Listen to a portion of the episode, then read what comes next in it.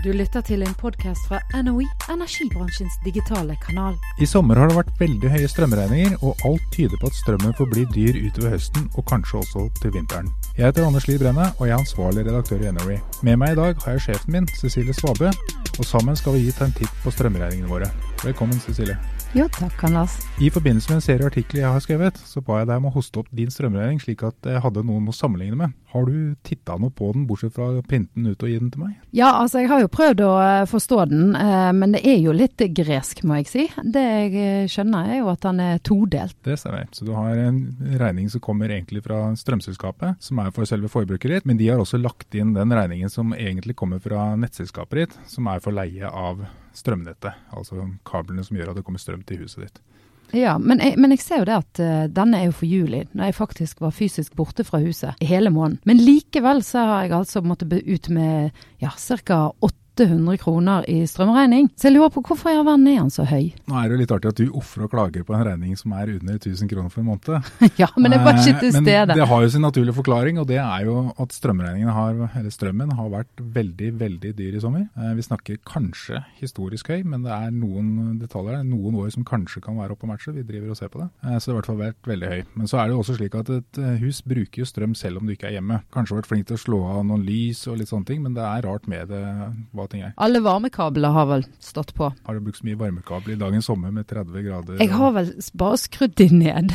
Ok, såpass. Nei, da tror jeg jeg har vært flinkere. Men jeg, på tross av at jeg har vært flinkere, så tror jeg faktisk jeg har hatt større forbruk enn deg. Men nå har jeg ikke vært borte en hel måned, da. Men altså, det er jo ganske rart for en bergenser å uh, sitte og observere at vi må betale så høye strømpriser for når vi har liksom Altså, jeg har jo levd et helt halvt liv med vann bøttene ned i hodet på meg. Jeg forstår at det har vært litt lite nå, da, men uh, er det liksom bare det som er grunnen? Grunnen til at er så, strømprisen er så høy i år, er for Norges del først og fremst eh, problemet med fyllingsgraden i vannmagasinene. Og Der har vi mye mindre vann enn det vi pleier å ha på denne tiden av året. Og Det har vært grunnen til at man har vært nødt til å holde igjen, og dermed har vi fått mer europeiske priser eh, på strømmen. Så er ikke det hele forklaringen alene. Det er også noen andre forklaringer her. F.eks. For at eh, Folk tenker ikke over det, men kullprisen påvirker faktisk norsk strømpris, selv om ikke vi bruker kullkraft. Okay. Og Det har noe med at når prisen settes i Europa, så avhenger den i stor grad av hvor høy kullprisen er. Og den påvirkes f.eks. av CO2-kvoteprisen. CO2-kvotene de har jo denne uken vært oppe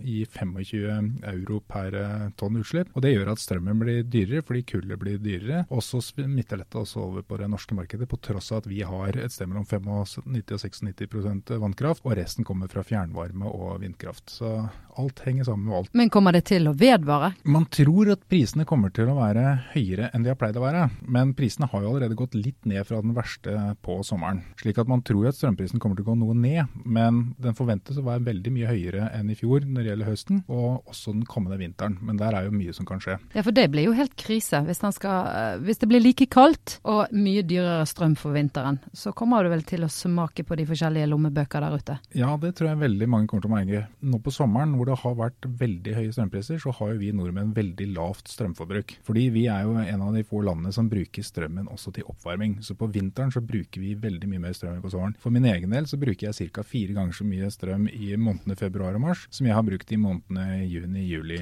august. Og det er klart at hvis strømprisen da til vinteren blir den samme som nå på sommeren, så blir de regningene som jeg uffa meg over i februar og mars spesielt i år, de blir ordentlig ille neste år. Jeg ser at jeg bruker ca. fem ganger mer enn jeg har brukt i juli, ja. i uh, januar og februar. Så dette skal bli artig. Men så er det det med liksom, Kan vi forvente at strømprisene går ned eller ikke? Det er litt vanskelig å si. Og det er også litt det været som har vært i år, som gjør at vi har jo blitt tatt på senga. Absolutt alle bransjene også blitt tatt på senga med de høye strømprisene. For når vi driver og dekker fyllingsgraden i vannmagasinet fra uke til uke, så følger vi med dem kontinuerlig og sjekker liksom, hvordan ligger vi an og sånt. Og dette lar vi jo robotjournalistikken notere. Men hvis jeg titter på grafen, så ser jeg f.eks. at når vi startet året i år, mm -hmm. så lå jo fyllingsgraden i det norske vannmagasinet over gjennomsnittet, eller over mediannivå. Altså over det som var normalt for den tiden. Så når vi startet opp i januar, så så alt kjempefint ut. Her er det masse vann i vannmagasinet, og det er ingen problemer i det hele tatt. Og så var det først når vi kom ut i uke åtte 8, omtrent høste, nei ikke høstferie, men vinterferieuken, da begynte vi liksom å treffe på mediannivået. Da er vi omtrent på vanlig situasjon. Og så gikk det litt nedover. Og så trodde nok mange at uh, det her kommer til å gå kjempegreit, for i store deler av Norge så hadde vi en kjempefin vinter. Så de tenkte at liksom her er det masse snø som kommer til å smelte, og det kommer til å fylle vannmagasinet kjempefint. Vi snakket jo om flom. Og flomproblemet er jo reelt. Det er jo et problem hvert år, man er jo bekymret for det, men det gikk faktisk veldig bra i år. Men så viser det seg da at snøen har smeltet i mye større grad enn man trodde, også fordampet og ikke kommet vannmagasinet til gode. Og dermed så gikk vi på en uh, liten smell og fikk oi, her var det mye mindre vann enn vanlig vannmagasin. Så når uh, vannmagasinet traff bunnen, som de gjør som regel rundt et sted mellom uke 15 og uke 20, så hadde vi relativt lite vann. Men vi hadde ikke ordentlig kriselite vann. Altså vi lå under snittet, men vi lå ikke nede på bunnivå. Og så tok jo uh, fyllinger seg opp. Det kom mer og mer vann i vannmagasinet. Vi lå over gjennomsnittet og begynte å nærme oss faktisk for den årstiden liksom vi snakker i begynnelsen av uke 22-23. Og hvor snakker vi da? Det blir rett før sommeren. Ja, Da er vi i mai, ja, mai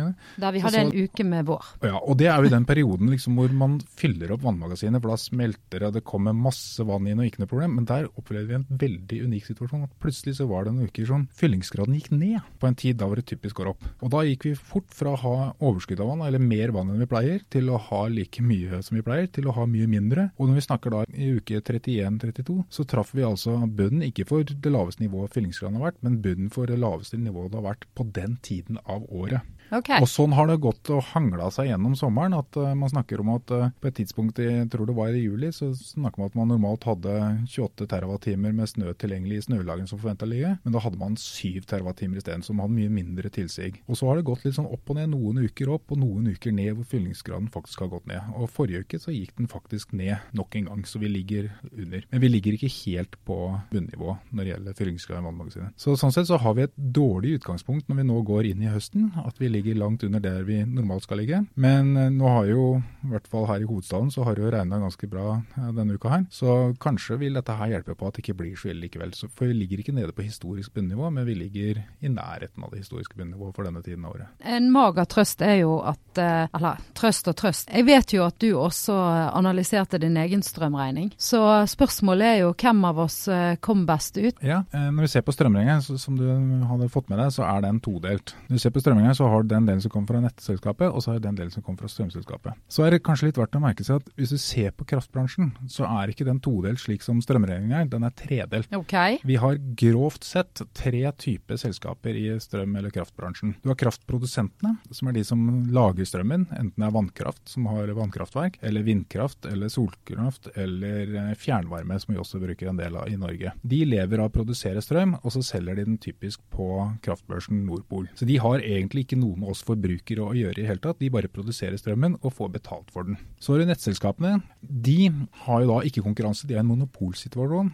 Slik at de har fått regelverk fra NVE som de forholder seg til, som sier så mye får dere lov til å ta betalt. Og De deler sin regning i to elementer. En er fastledd, som sier at per måned så koster det så og så mye å ha nettleien. Men de tar også et energiledd, dvs. Si at for hver kilowattime du bruker, så tar de også betalt for den. Og Det er det som er, gjør det litt komplisert, at selv om strømregningen er delt i to, så er den nettleiedelten delt i to igjen, den også. Og så er det det selskapet som vi stort sett forholder oss til som forbrukere, og som vi får regning fra, og det er strømselskapene.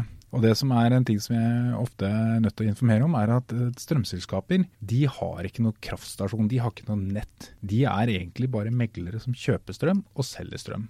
Så det de gjør, er at de kjøper strømmen i store kvanta på kraftbørsen typisk, og så selger de den videre til oss. Så da kjøper de, og da oppgis det typisk i megawattimer hvor de kjøper den, og så selger de den til oss forbrukere, og da oppgis det typisk i kilowattimer.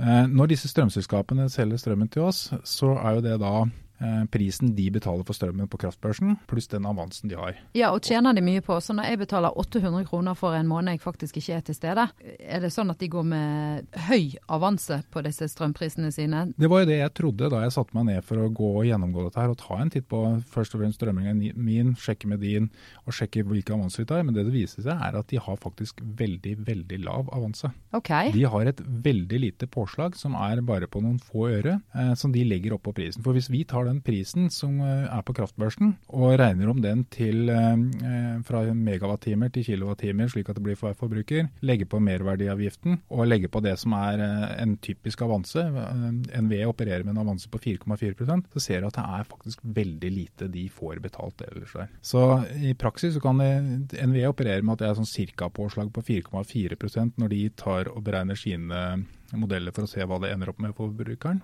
Men i de 4,4% så må faktisk eh, strømselskapene også ta høyde for at de f.eks. kjøper elsertifikater. Marginen til strømselskapene snakker vi om er nede i 1-2 øre av den strømregningen du får. Ok. Så når du betaler en strømregning nå, vi kan jo se på den etterpå her, som er litt avhengig om du skal legge sammen både strømmen, nettleien og alle leddene, så kan det fort ende opp på 1 krone 20, 1 krone 30 øre per sekund. Så sitter altså strømselskapet igjen med en profit selv på 1 eller 2 øre. Så det er overraskende hvor lite de tjener. Det var overraskende. Ja.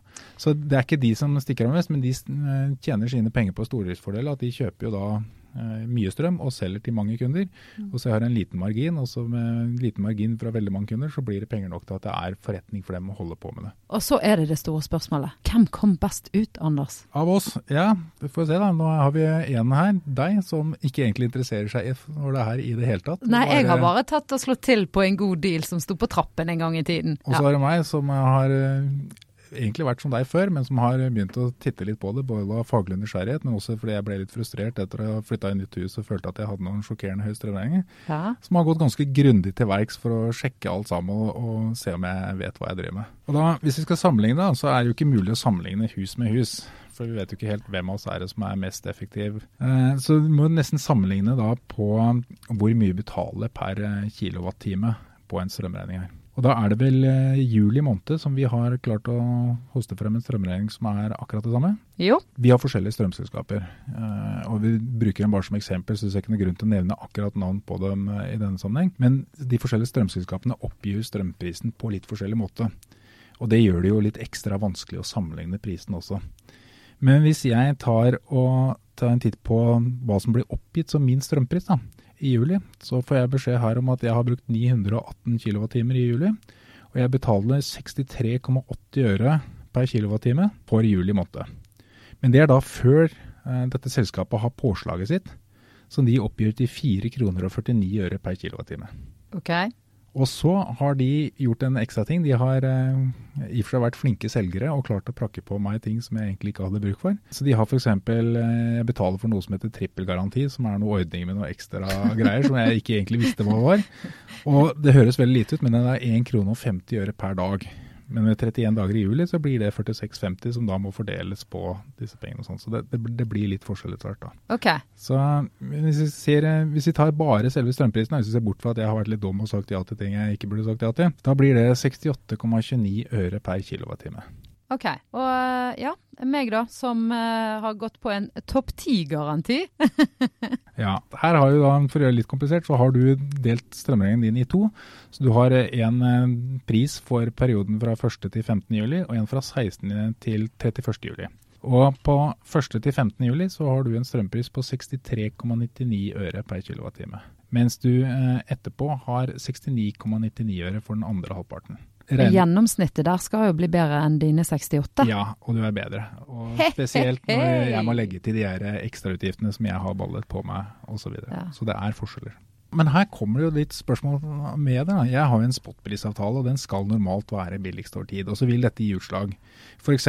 så er en fastprisavtale vil normalt være en dårligere avtale enn spotprisavtale. Men de som inngikk eh, fastprisavtale på riktig tidspunkt, de har jo bare kunnet sitte og ledd seg i hjel gjennom hele sommeren og betalt en mye lavere pris enn oss som har en spotprisavtale nå gjennom sommeren. Og så er det også det som gjør det litt avansert med disse strømselskapene, er at de har, som jeg nevnte, noen tillegg som jeg har gått på en smell og sagt ja til uten å helt ha skjønt hva jeg sa ja til.